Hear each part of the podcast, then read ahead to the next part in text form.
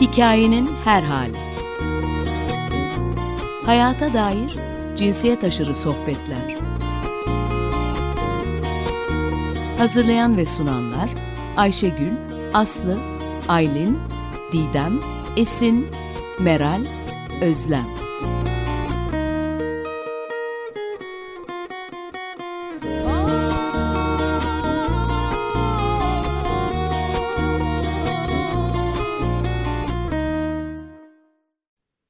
Hikayenin her hale dinleyicilerine merhabalar. Ben Meral.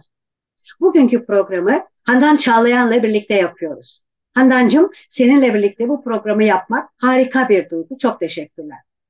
Programımızda çok kıymetli bir konuğumuz da var. Konuğumuz Remziye Aslan. Hoş geldiniz Remziye. Hoş bulduk. Teşekkürler. Ve tabii ki davetimizi kabul ettiğiniz ve konuğumuz olduğunuz için çok çok mutlu olduğumuzu söylemek istiyorum. Sizi önce kısaca tanıtıyorum. Remziye Aslan, Elazığ'ın Maden ilçesinde dünyaya geldi. Orta Doğu Teknik Üniversitesi Sosyoloji bölümünde okudu. Gazete ve dergilerde makaleleri yayınlandı. Keder Perileri isimli öykü kitabı 2008 yılında Ütopya yayınlarından çıktı. İmajdan Kimliğe Cumhuriyet dönemi romanlarında Kürtler isimli inceleme kitabı JJ, JUJ yayınları tarafından 2013 yılında yayınlandı. Remziye Aslan çeviriler de yapıyor. Sosyolog Martin von Büyüsen'in A. Şeyh Devlet isimli eserini Türkçe'ye çevirdi ve bu kitap Özge yayınlarından 1992 yılında çıktı. Remziye Aslan'la bugün hikayenin her hali programında buluşma nedenimiz en son eseri Şevba'nın Yazılmamış Tarihi isimli öykü kitabı. Şevba'nın yazılmamış tarihi çok yeni. Yani Aralık 2023'te Red yayınlarından çıktı. Diyarbakır Kitap Fuarı'nda yer aldı. Programı Handan Çağlayan'la birlikte yapmamızın nedeni Handan'ın Remziye Aslan'ın edebi çalışmalarını başından beri yakından takip etmesi. Yazdıkları hakkında düşünmesi. Örneğin Remziye Aslan'ın Keder Perileri isimli kitabı çıktığında Handan bu kitabı tanıtırken Biyanet'teki yazısında şöyle yazmıştı. Sosyolog Remziye Aslan bize araştırmalarda birer rakama indirgenen sıradan insanların dünyasını açıyor. Hiçbir rakam bir insanın zorunlu olarak geride bıraktığı kasabasına geri dönüp de hiçbir şeyi yerinde bulamayınca ne hissettiğini anlatamaz. Handancığım, burada sözü sana versem ne dersin? Teşekkür ediyorum Meral. Bu giriş için de çok teşekkürler. Ee, sevgili Remziye, programa tekrar hoş geldin. Hoş bulduk. Ee, az önce Meral'in de seni tanıtırken söylediği gibi aslında sen sosyoloji formasyonuna sahipsin. Sosyal bilimler alanında makalelerin, kitapların ve çevirilerin var. Ama okur seni aynı zamanda öykülerinle de tanıdı. İlk edebiyat ürünün olan Keder Perileri, Meral'in de söylediği gibi zorunlu göç temasını işlemekteydi. 1990'larda Kürt köylerinin zorla yerinden edilmelerini konu alan öykülerinin arka planında sosyolojik gözlemlerinden de izler bulunmaktaydı. Sana şunu sormak istiyorum. Bir sosyal bilimci olarak edebiyat alanına yönelmen nasıl oldu? Öykü yazmaya nasıl bir itkiyle başladın? Evet. Şimdi öncelikle teşekkür edeyim ikinize de. Çok sağ olun. Çok teşekkür ederim. Ee, şimdi sosyolog olarak aslında sosyal bilim projelerinde doğrudan yer almadım. Yani öyle bir doğrudan katılımım olmadı. Ancak e, toplumsal gündeme ilişkin zaman zaman sosyolojik perspektifle yazılmış yazılarım vardı ve onlar çeşitli e, dergi ve gazetelerde yayınlandılar. Ve bu bağlamda imajdan kimliğe başlıklı bir çalışma da kitap olarak yayınlanmış bulunuyor. E, edebiyata yönelişimin hikayesi biraz eskidir tabii. Yani her öykü yani edebiyat yazarında olduğu gibi. E, çocukluk yıllarımda tutkulu bir edebiyat okuru olduğumu hatırlıyorum. Öyleydim. Hatta ilk e, yazı denemem denemem 10 yaşlarında yazdığım bir öyküyle başlamıştır. Öyle yani bir çocuk öyküsü olarak çocuk edebiyatı bağlamında düşünürsek. Yetişkinlik yıllarında yazmaya yönelişimin e, temel sebebinin ise edebiyatın niteliğiyle ilgili olduğunu düşünüyorum. E, tabii bildiğiniz gibi bilim genellemelerle çalışır. Yani eksiltmelerle. Her genelleme bir soyutlama olarak e, eksiltmeleri e, gerçekleştirir. E, bu anlamda bilimin e, gerçeklikle ilişkisi e, sınırlı ve dar kapsamlı olur ister istemez. Ama sanat ve dolayısıyla edebiyat ise tekil olanın hikayesine ilgili ilgi duyar. Yani genelin içinde tekil olanların hikayesini kastediyoruz burada. Yani makro düzlem içinde makro düzlem tarafından kuşatılmış olan mikro alanlara ilgi duyar sanat ve edebiyat. E, toplumsalın kuşattığı bireyin, tek tek bireylerin hikayesi, onların dünyaları edebiyatın ilgi konusudur her zaman. Ben e, edebiyatın bu ayrıntılarda saklı olan gerçekliğin peşine düşmesini çok önemli buluyorum. Yani çok kıymetli buluyorum. E, çünkü böylesi bir e, bakış gerçeklikle kurulan böylesi bir ilişki, yani edebiyatın, sanatın ilişkisi e, bir anlamlandırma çabası olarak çok daha e, kapsamlı olur ister istemez. Yani dikey boyutta bir ilişki kurar gerçeklikle edebiyat, bir sanat alanı olarak. E, bu, bu yönüyle de edebiyat benim açımdan her zaman çok çekici oldu. E, ve işlevsel bir yaratıcı yaratıcı e, faaliyet olarak da e, çok hakikaten e, çok severek ilgiyle ilgilendiğim e, bir alan edebiyat. Evet. Her zaman böyle oldu.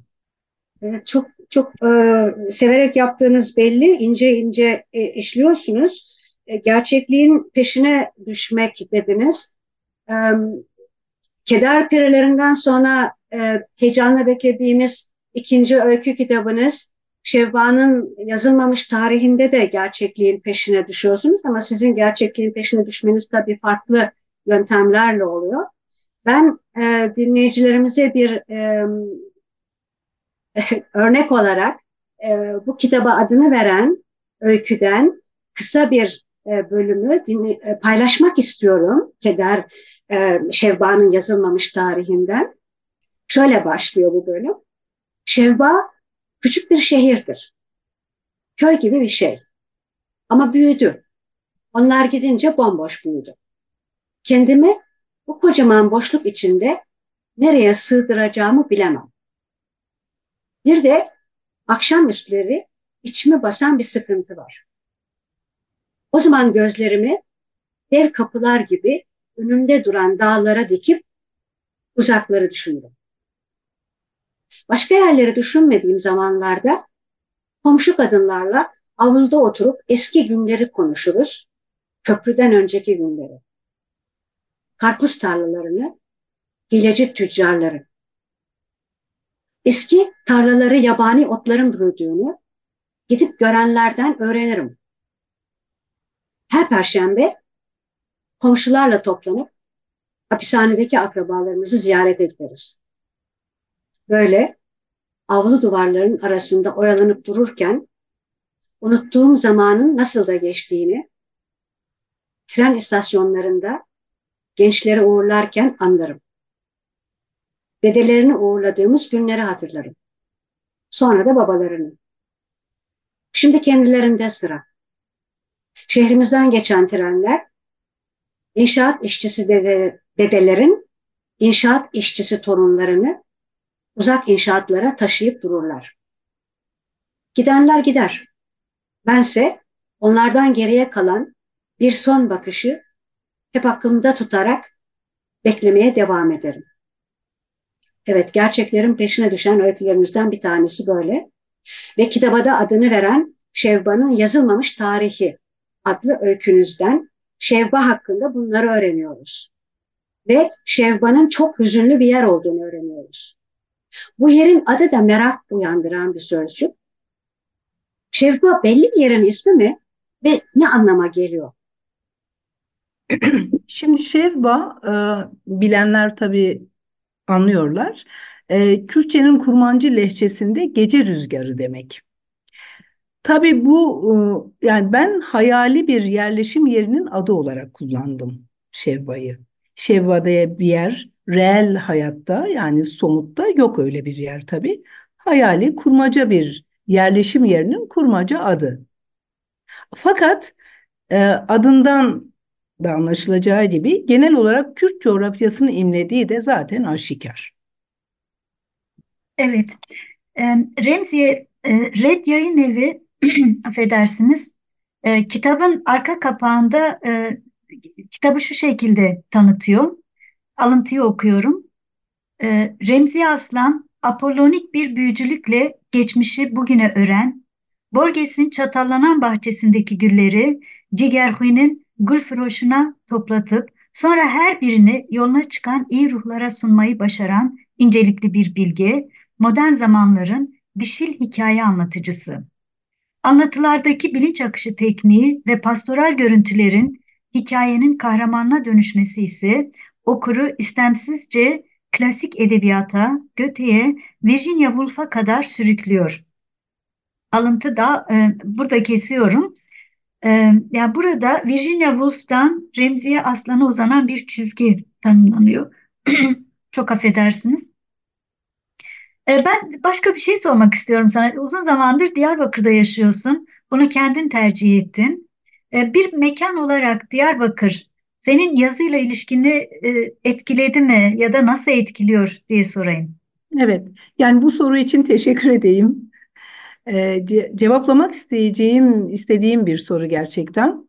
Şimdi Diyarbakır e, benim için e, çocukluk anılarımı saklayan bir şehir. Yani biz aslında yakın bir ilçede, Elazığ Maden ilçesinde yaşıyorduk. Ben çocukken orada orada yaşıyorduk. Annemle sık sık bu şehri ziyarete gelirdik.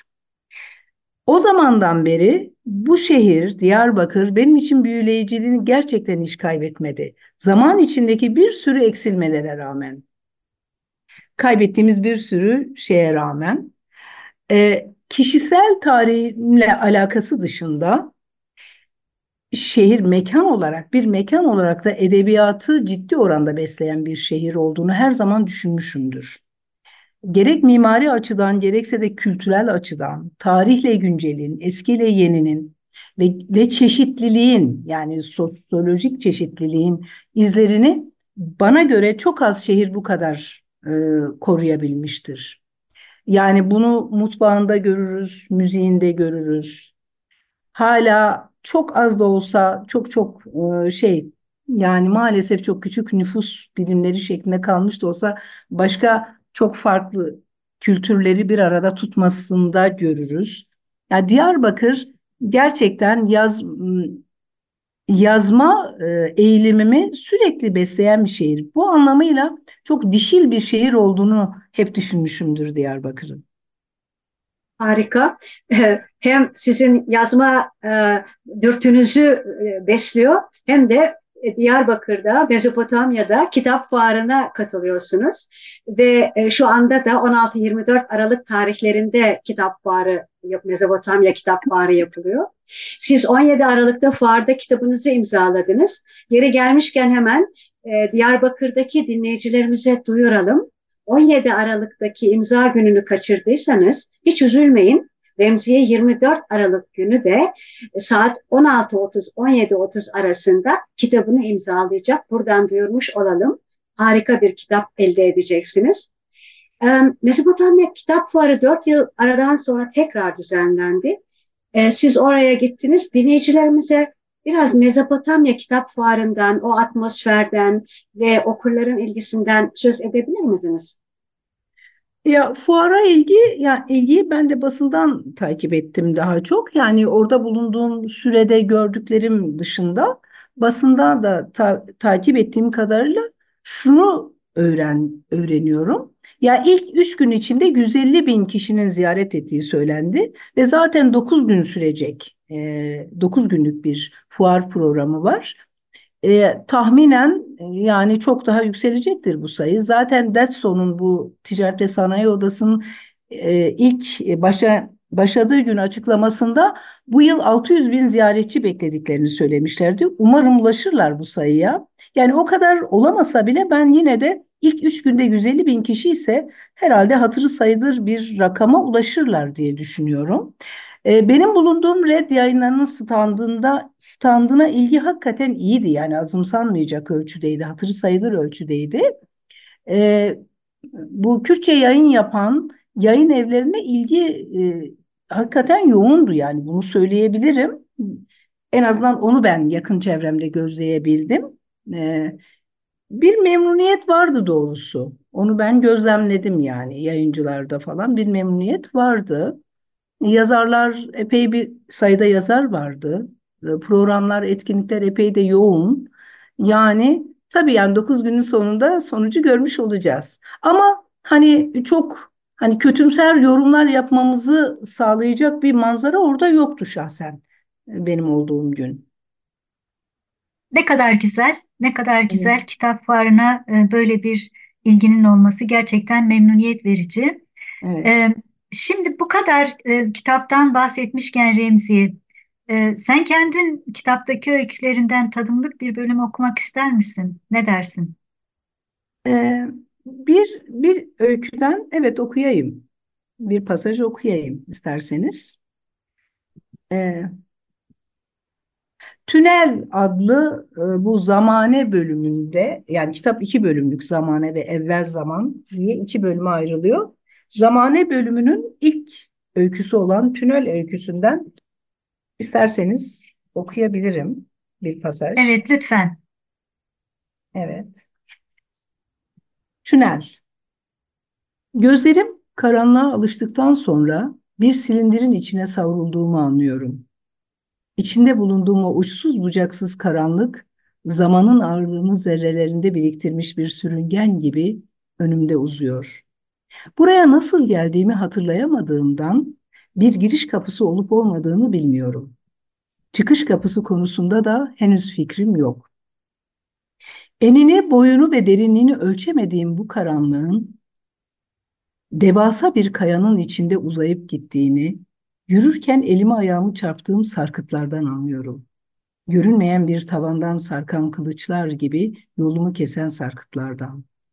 Bu yüzden başım ellerimin arasında ilerliyorum. İlerliyor muyum? Bundan da emin değilim. Belki de yalnızca bir arzudur bu. Mesafeler kat etme arzusu. Renklerin kara deliğin içinde eriyip hiçleşmeleri misali karanlığın da zamanı emerek yok etmek gibi bir alışkanlığının olduğuna inanıyorum. Peki ben bu karanlık iklime hangi mevsimin kapısından girdim? Evet, tam da tadımlık bir bölüm oldu. Doğrusu Şevvan'ın yazılmamış tarihi kitabı, başta da söylediğimiz gibi Red yayınlardan çıktı. Dileyen dinleyicilerimiz tabii ki bu, bu sorunun yanıtını takip etmek için bizzat kitabı ellerine alarak okumaya devam edebilirler. Evet, Değil mi Meral? Evet, evet. Ee, biz e, çok mutlu olduk kitabı elimize aldığımızda ve e, Şevfa'nın yazılmamış tarihi mutlaka okunması gerekli kitaplar listemizde yer almalı. E, Remziye'nin bize okuduğu son bölümün satırı şöyleydi. Peki ben bu karanlık iklime hangi mevsimin kapısından girdim? Bu soru bana Karin Karakaşlı'nın Tarih Coğrafya isimli şiirini hatırlattı. Yani Remziye bu soruyu eminim Türkiye'de çok çok çok çok kereler, çok çok çok insanlar sordular. İşte Karin Karakaşlı da onlardan bir tanesi. Karin bu şiirinde şöyle diyordu. Kimse ilk basmaz bir toprağa. Sırtlanırsın geçmiş ruhları. Tanrılar, tanrıçalarda bir zamanlar sen gibi canlardı. İçinden geçer hepsinin gücü, zaafı. Aşağıda toprağın üstünde kafilelerce çoğaldı. Ölü ölümlüler gıkları çıkmadı. Allah'ın unuttuğunu hiç kimse anımsamadı. Tarihimsin bir miktar, kabul. Ama coğrafyam değil. Yer kaplayanların adıdır coğrafya. Ve kalmak yürek ister. Ölülerimle kaldım coğrafyamda. Sen kendini inkar ettin, resmi oldun, hakikatinden boşaldıkça. Hayatımla kaldım coğrafyamda, kendi tarihimi yazmaya. Evet, burada Şahane. söylüyorum. Ah Remziye, siz de öykü öykü kaldığınız coğrafyanızda kendi tarihinizi yazıyorsunuz. Türkiye tarihini yazıyorsunuz. Hepimiz için ne kadar önemli bir tarih. Çok çok sağ olun. Ellerinize sağlık. Çok teşekkür ederim. Ben de katılıyorum. Ee, Şimdi Remziye sen e, en son aslında bir inceleme kitabıydı yayınlandı. İmajdan Kimliğe. Hı. Ardından işte geçtiğimiz günlerde yine bir edebi eserle çıktın okur karşısına. Şevva'nın yazılmamış tarihi. Ee, doğrusu bundan sonrasını merak ediyor insan. Ne tür hazırlıklar içindesin acaba? Yeni bir inceleme kitabı mı? Bir öykü kitabı mı? Yoksa aslında edebiyatın farklı bir türünde de eser vermek gibi bir hazırlığın e, ya da bir planın var mı? Ya evet aslında bundan 2-3 sene önce bir roman denemesine başladım. Deneme diyeyim. Çünkü ortaya çıkmadı henüz. Şimdilik benim için bir deneme niteliği taşıyor. E, Bir romana başlamıştım aslında. İki bölüm falan yazıldı. Fakat araya enteresan bir şekilde bu öyküler girdi. Yani böyle benim tabii durdurabileceğim, müdahale edebileceğim bir süreç olmuyor bu yaratıcılık süreci. Yani ne gelirse yazı size hangi şekilde ve şemalde geliyorsa, hangi biçimde geliyorsa siz ona sarılıyorsunuz. Yani onu tutmanız gerekiyor. Yani enteresan bir şekilde öykü biçiminde yine yazı bana geldi. Bu öyküler gelmişken önce biraz açıkçası haksızlık ediyordum. Yok hayır ben şimdi roman yazıyorum işte bunlara dönmeyeyim, öykü yazmayayım. Çünkü planımda bir öykü kitabı yok diye bir süre haksızlık yaptım. Böyle gelenleri ittim böyle şey kapılarını kapadım. Ama sonra yanlış bunlar bu çok haksızlık dedim fark ettim. Onlar zorla zaten dayattılar kendilerini o fikirler o duygular. Dolayısıyla sonra evet onlara boyun eğdim ve yazmaya başladım. Bu öyküler araya girdi yani. Aslında bu benim planladığım bir çalışma değildi bundan 2-3 yıl öncesinde. Ve son bu öyküler çoğunlukla son bir, bir yılda en fazla bir buçuk yılda çıkmış öykülerdir. Son dönemin e, sonuç ürünleri öyle diyelim. Yani ö- çıktı ama ben şimdi bundan sonra normalde planım o yarım kalan o çalışmaya roman Evet. olarak hani şekillendirmeyi düşündüğüm o çalışmaya geri dönmek istiyorum. Bakalım yani şartlar nasıl olacak? Yapıp yapamayacağım. Şimdiden belli olmaz çünkü içine girince görüp anlıyorsunuz. Evet. Ama niyetim o, Evet. planım o. Es- esin perilerin bol olsun diyelim o zaman. Teşekkürler. Evet. Biz zaten sizin öykülerinizi çok seviyoruz. Onların kendilerini ortaya çıkarmalarına da çok e, iyi olmuş diyoruz. Şimdi kitap Hı. iki bölümden oluşuyor ama bu iki bölümün dışında en başta kısa, kısacık bir öykünüz var. Adı da Meçhul bu Evet. öykü.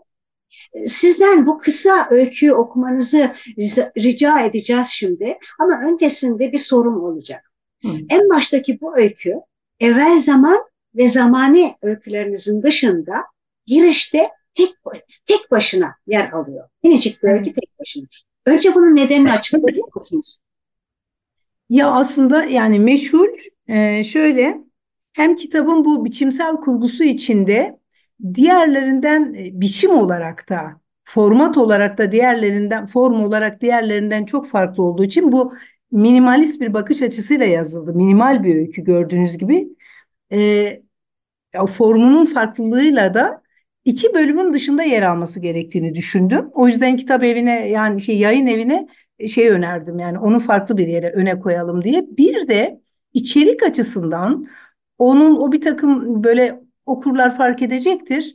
Hmm, Hayata, öm- ömrümüze, ömürlerimize, e, insana ilişkin bir bir takım sanki böyle bir tezler içeren bir şey, bir öykü. Dolayısıyla o içerik açısından da sanki hem kitabın sonraki bölümleri için hem de bütün bir hayatımız için, ömürlerimiz için bir ön söz niteliği taşıdığını hep düşündüm, hissettim. O yüzden onu dışın, her, diğerlerinin dışında konumlandırdık.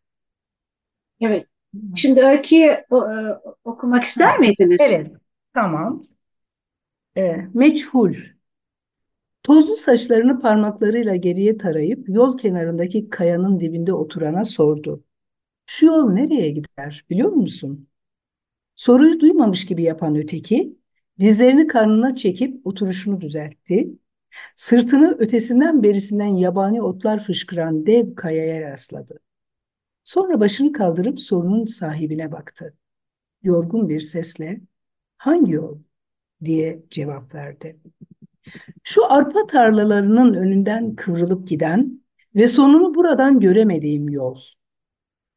Az önce geldiğim yoldur o. Öyleyse biliyorsun neyi, yolun nereye gittiğini. Keşke bilebilseydim. Tek bildiğim yolların yollara açıldığıdır. Serde gençlik, yürekte arzu var olduğunda rüzgarlara hevesli ayaklarınla menzile doğru koşarsın. Ama yol da boş durmaz hani. Alıp seni bahtının önüne bırakır. Hangi yöne sapacağını bilemediğin o çatalın önüne. Pardon, affedersiniz. Durursun bir zaman orada, orada. Sonra gayip sirenlerin sesine giden gemiciler gibi seslerden birinin çağrısına uyup yürürsün sen de başka bir çatala doğru. Her çatalda bir sen kalır geride. Benlerini eksilte eksilte yürürsün. Durmadan çoğalan çatallar boyunca. Sonunda nefessiz kaldığın bir çatalın başında bir kayaya yaslanıp kalırsın. Ufka doğru akıp giden yolun arkasından şaşkınlıkla bakarak. Araya giren sessizlikte tozlu saçlarını kaşıyıp bir süre düşündü ve parmağıyla sağdaki yolu işaret ederek öyleyse diğer yoldan gideyim dedi. Sonra deve dikenleriyle kaplı tarlayı boydan boya kesen patikaya yöneldi ve tarlayı batı yönünden kuşatan pusa doğru yürüdü. Ses, sesinize sağlık e, Remzi'ye hem açıklamanız hem de okumanız için. Şimdi biraz e, sizi dinlendirmek için sizin seçtiğiniz bir müzik parçası var. E, siz Bağdat doğumlu Iraklı sanatçısı Tara Caf'ın Malan Barkır isimli parçasını dilediniz. Tara Caf müzik eğitimini gene müzisyen babasından aldı. Vram lehçesinde şarkı söylemeyi de ondan öğrendi. Tara ailesiyle birlikte mülteci olarak 1979 yılından beri Londra'da yaşıyor. 91 yılında arp öğrenmeye başladı. Arp 17. yüzyıla kadar Pers ve Kürt asillerinin itibar ettiği bir müzik aletiydi. Sonra yavaş yavaş unutuldu ve yerini kanun aldı. Ama Taracaf sayesinde bu enstrüman Kürt kültür dünyasında yeniden hatırlandı. Diyarbakır ve İstanbul'da da konserler vermiş olan Karacaf'tan şimdi Malan Barkir yani Taşınan Evler isimli parçayı dinliyoruz. Hikayenin her hali programını dinliyorsunuz. Ben Meral. Karacaf'tan Malan Barkır yani Taşınan Evler isimli parçayı dinledik. Bugünkü programı Handan Çağlayan'la birlikte yapıyoruz ve Remziye Aslan'la Aralık 24'te çıkan yeni kitabı Şevba'nın yazılmamış tarihi hakkında konuşuyoruz. Sohbetimize e, Furu Feruzat'a ithaf ettiğimiz Yağmurlu Bir Günde öyküsünün başlangıcını okuyarak devam edeceğiz. Öykü şöyle başlıyor. Sokak her an bastırabilecek yağmuru beklerken başka alemlerin ufkuna daldığım parka gidebilme hevesiyle ağır kurşuni havanın içine dalıyorum. Yağmuru düşünüyorum bir yandan acımasız bir yağmur olacağı şimdiden belli. Öyle ki parkın muhtelif yerlerine öbek öbek birikmiş yaprak bölülerin arasında boy veren ve sonbaharla baharın gönüllü işbirliğinin nişaneleri olan yüz güllerini darbeleyerek parkı tarumar edeceği kesin. Olsun yine de orada olacağım.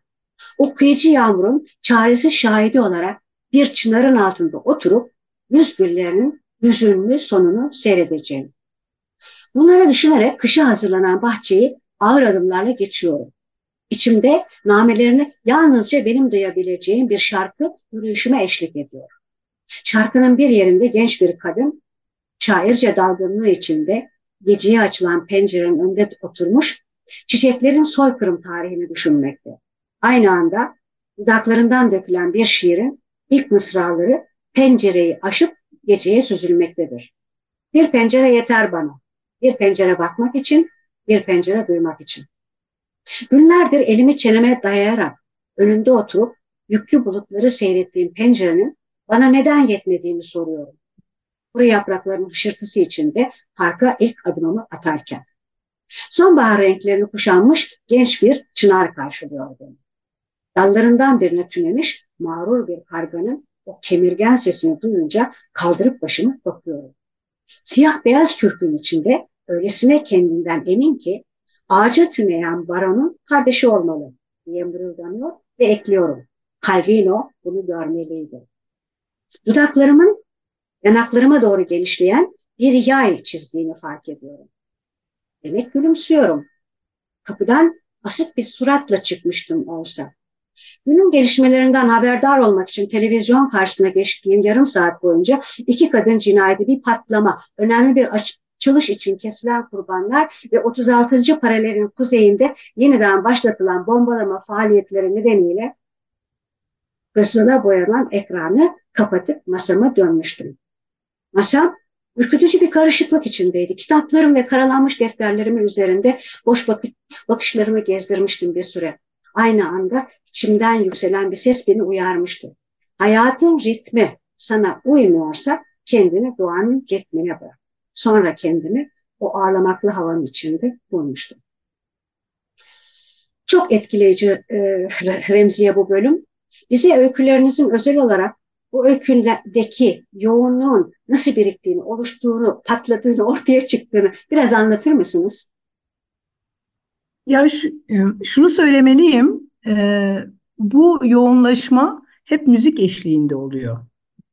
Evet, benim edebiyatla ilişkim müzikle e, birlikte e, sürüyor. Yani müzikle edebiyat böyle ikiz kardeşler benim hayatımda. E, genellikle yazı bana yoğun bir şekilde müzik dinlediğim günlerden sonra geliyor. Gerçekten yani fikirler, işte duygular, o yoğunlaşma bazen e, belli şarkılara, belli parçalara hmm, çok e, belki tuhaf denebilecek ölçüde bir yoğunlaşmam oluyor. Bir gün boyunca mesela bir şarkıyı defalarca sayısız kereler dinliyorum e, ve sonra e, sonrasında bir bir öykü öykü için bir fikir oluşuyor, bir duygu oluşuyor, bir hissiyat, birikim oluyor. Yani benim birikim sürecim şöyle diyeyim, edebiyata ilişkin, edebiyat üretimine ilişkin birikim sürecim müzikle e, dolu. Yani müzikle ilişkim esnasında oluşuyor o birikim. Şimdi burada da bu öyküyü e, yazmadan önce şöyle bir dönemdi. E, ilkbaharda ve şeydi.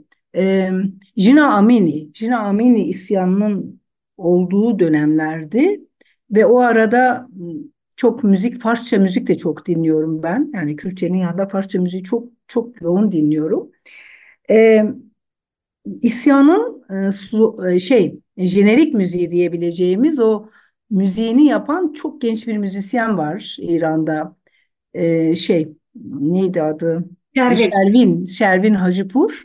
Şervin e, çok genç bir müzisyen. 25 yaşında daha. O isyanın e, şarkısını neydi o? Baraye. Baraye şarkısını söyledi. Onun bir başka şarkısı Badema. Badema biz ben Zazaki lehçesini e, konuşabiliyorum Kürtçenin. Badema biz, bizde de yani aynı anlamda Farsçada bizden sonra bizde de badoma, badema şeklinde telaffuz ediliyor. Bizden sonra demek ve çok çok beğenerek, çok etkilenerek dinliyordum ben o müzisyenin o şarkısını.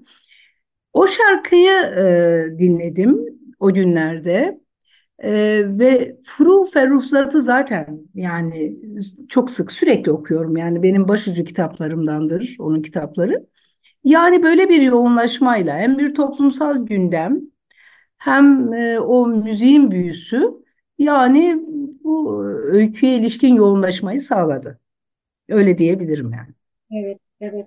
Çok teşekkürler. O zaman e, programın ikinci parçasını da Şervin'in sesinden dinleyelim. Hem de Badema bizden sonra şarkısını dinleyelim. Hı hı. Şervin bu parçayı sizin de söylediğiniz gibi 2022'de Jina Mahsa Amin'in gözaltındaki ölümünden sonra yazmıştı. Pardon bir düzeltme yapabilir miyim Meral Hanım? Tabii. Şimdi Badema değil o Baraye adlı bir parça. O böyle çok dünyada dalgalandı yani çok söylendi. Ee, bu aynı yani aynı müzisyenin aynı sanatçının bir başka parçası Badema. Evet. Bu da yine içerik olarak bizden sonra özgürlük yağmurları yağacak diyor. Şarkının içinde sözler öyle. Evet. Dinliyoruz Badema. Hikayenin Her Hali programını dinliyorsunuz. Ben Meral. Şervin'den Badema bizden sonra parçasını dinledik. Bugünkü programı Handan Çağlayan'la birlikte yapıyoruz. Remziye Aslan'la Aralık 2024'te çıkan yeni kitabı Şevba'nın yazılmamış tarihi hakkında konuşuyoruz. Handancığım sen bu kitaptan bir bölüm daha okumak ister miydin acaba? Ya evet memnuniyetle. Ee, Ben Arzu isimli öykünün ikinci bölümünü okumak istiyorum. Ee, Bu bölümün ismi Ebabil.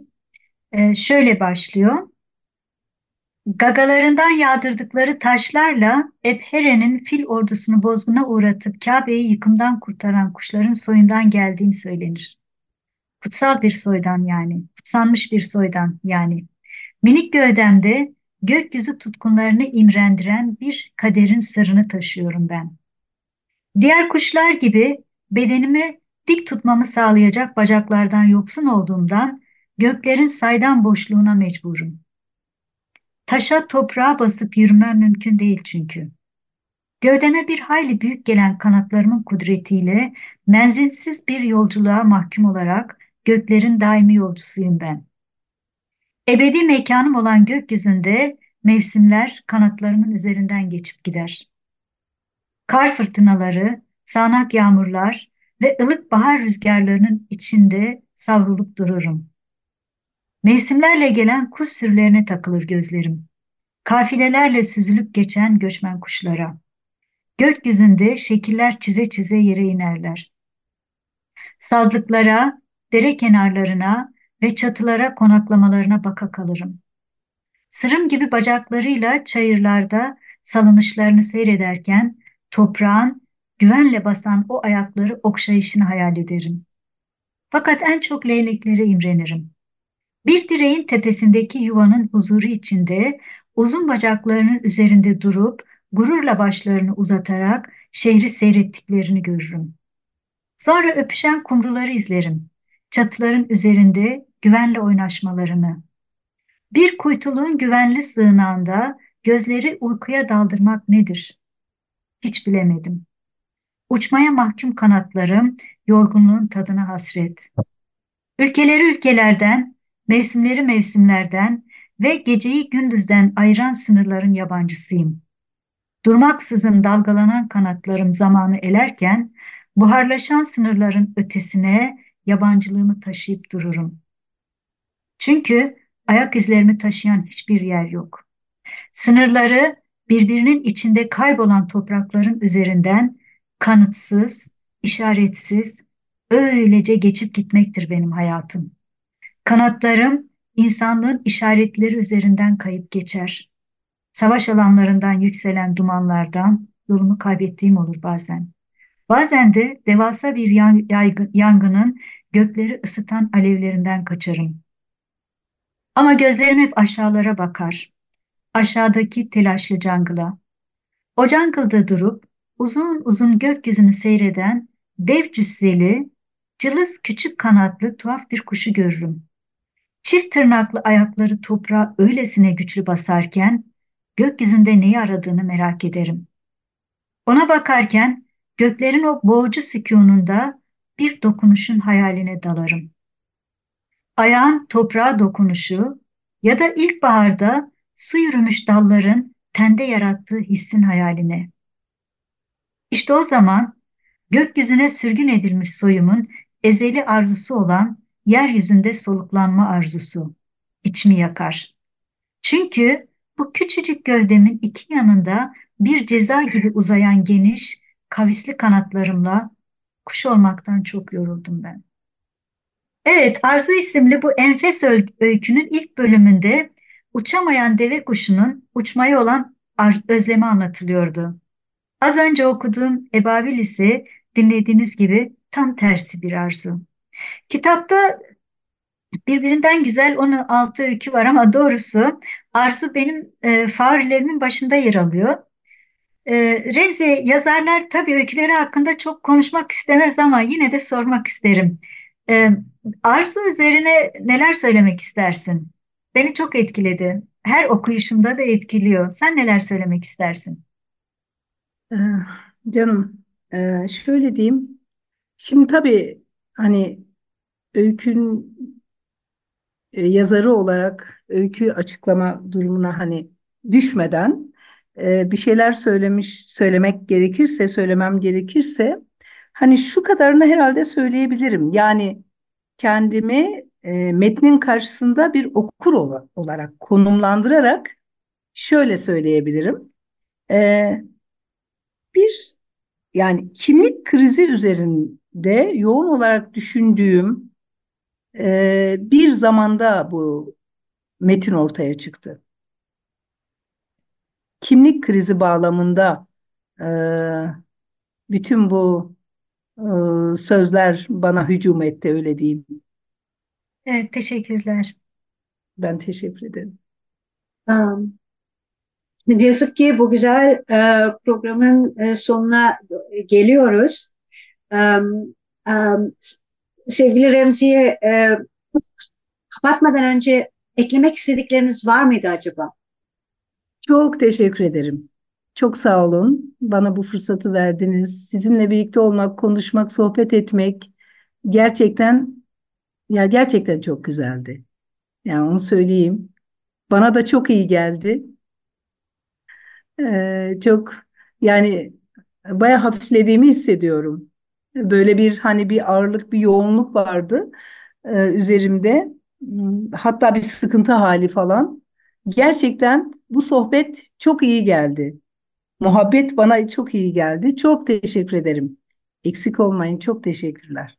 E. Remzi'ye bir şey sormak istiyorum. Bu e, ağırlık hali e, kitabınızın ağırlığı mıydı? Neden, niçin yay- yayınlan, kitap yayınlanmasının getirdiği stres miydi? Neydi bu ağırlık? Ya şöyle her zaman sonunda olan bir şey. Bu böyle çok benim aşina olduğum bir şey. Ee, o yüzden beni şaşırtan bir durum değil. Yani mesela öyküler tek tek her bir öykü de metin bittikten sonra e, bir e, ilginçtir. Bir sıkıntıya giriyorum adeta. Böyle bir bir ağırlık, bir, bir bir çeşit bir bunaltı, farklı bir şey. Yani böyle bir hani hafiflemek, rahatlamak değil. İlginç bir şekilde böyle bir farklı bir şey oluyor. Herhalde yani yazma yani metni tek tek öyküleri kastediyorum. Metni yazarken başka bir aleme, başka bir dünyaya dahil oluyorsunuz. Orada yani çok başka ruh hallerindesiniz. Ama belki de bu günlük hayata, reel dünyaya, yaşama dönüşle ilgilidir. Dönüp tekrar yüzleşiyorsunuz o reel yaşamın ağırlığıyla. Belki de onunla alakalıdır. Yani bir e, gerçekliğe yeniden bir çarpma, bir yüzleşme falan mı oluyor acaba? Bunu ben de düşünmüşümdür zaman zaman. Ama e, böyle bir şey var. Böyle bir şey oluyor. E, şimdi yani kitap olarak kitabın tabii hazırlanması, yayına hazırlanması e, elbette şeydi yani böyle biraz hani uğraştıran bir süreçti. O bittikten sonra yani aslında bir hafifleme beklenir ama sonrasında bilemiyorum. Acaba o enerjiye alışıyor muyuz? Onu da düşünüyorum. Acaba o aslında bize iyi mi geliyor? Yani uğraşanlar için bu iyi mi geliyor? O enerji yaşam enerjimiz midir? Dinamizm mi sağlıyor? O bitince kendimizi o dinamizmden uzaklaşmış, o dinamizmi kaybetmiş mi oluyoruz falan diye de düşünmedim değil. Ondan mı bilmiyorum. Böyle bir öyle bir hal vardı üzerimde ama bu muhabbet, bu sohbet, yani bu paylaşım gerçekten çok iyi geldi. O yüzden ben size müteşekkirim. Çok sağ olun. Ee, Biz de çok teşekkür ediyoruz Remzi'ye. Ee, Çok Hem e, programa katıldığın için ama aynı zamanda hem de e, Şevva'nın yazılmamış tarihindeki e, enfes öykülerin için çok teşekkürler bir okur olarak. E, Meral'cim sana da çok teşekkür ediyorum. Bu programı birlikte yapma e, fırsatını sunduğun için çok teşekkürler. E, dinleyicilerimize de zaman ayırıp bizi dinledikleri için teşekkür ediyorum. Evet, e, ben de e, ben de e, Handancığım sana teşekkür ediyorum bu programı birlikte yapma şansını bana verdiğin için. Ayrıca da Remziye Aslan'a çok teşekkür ediyorum. Zaman ayırdı ve aramıza katıldı. Evet, ben çok, ben çok teşekkür ediyorum. Rica ederiz. Sesinizle sesinizle aramızda olmanız. Dinleyenler dinley, dinleyenlere de çok teşekkürler iletmek istiyorum. Zaman verip bizi dinleyenlere çok çok teşekkür ediyorum. Çok sağ olsunlar, var olsunlar. Bugünkü Hikayenin Her Hali programında Handan Çağlayan'la birlikte yazar Remziye Aslan'ı konuk ettik ve Remziye Aslan'ın yeni çıkan ikinci öykü kitabı Şevban'ın yazılmamış tarihi hakkında konuştuk. Ee, şimdi hatırlatalım tekrar Şevban'ın yazılmamış tarihi Red yayınlarından çıktı 112 sayfa. Herkesin okumasını çok tavsiye ediyoruz. Hoşçakalın. Hoşçakalın.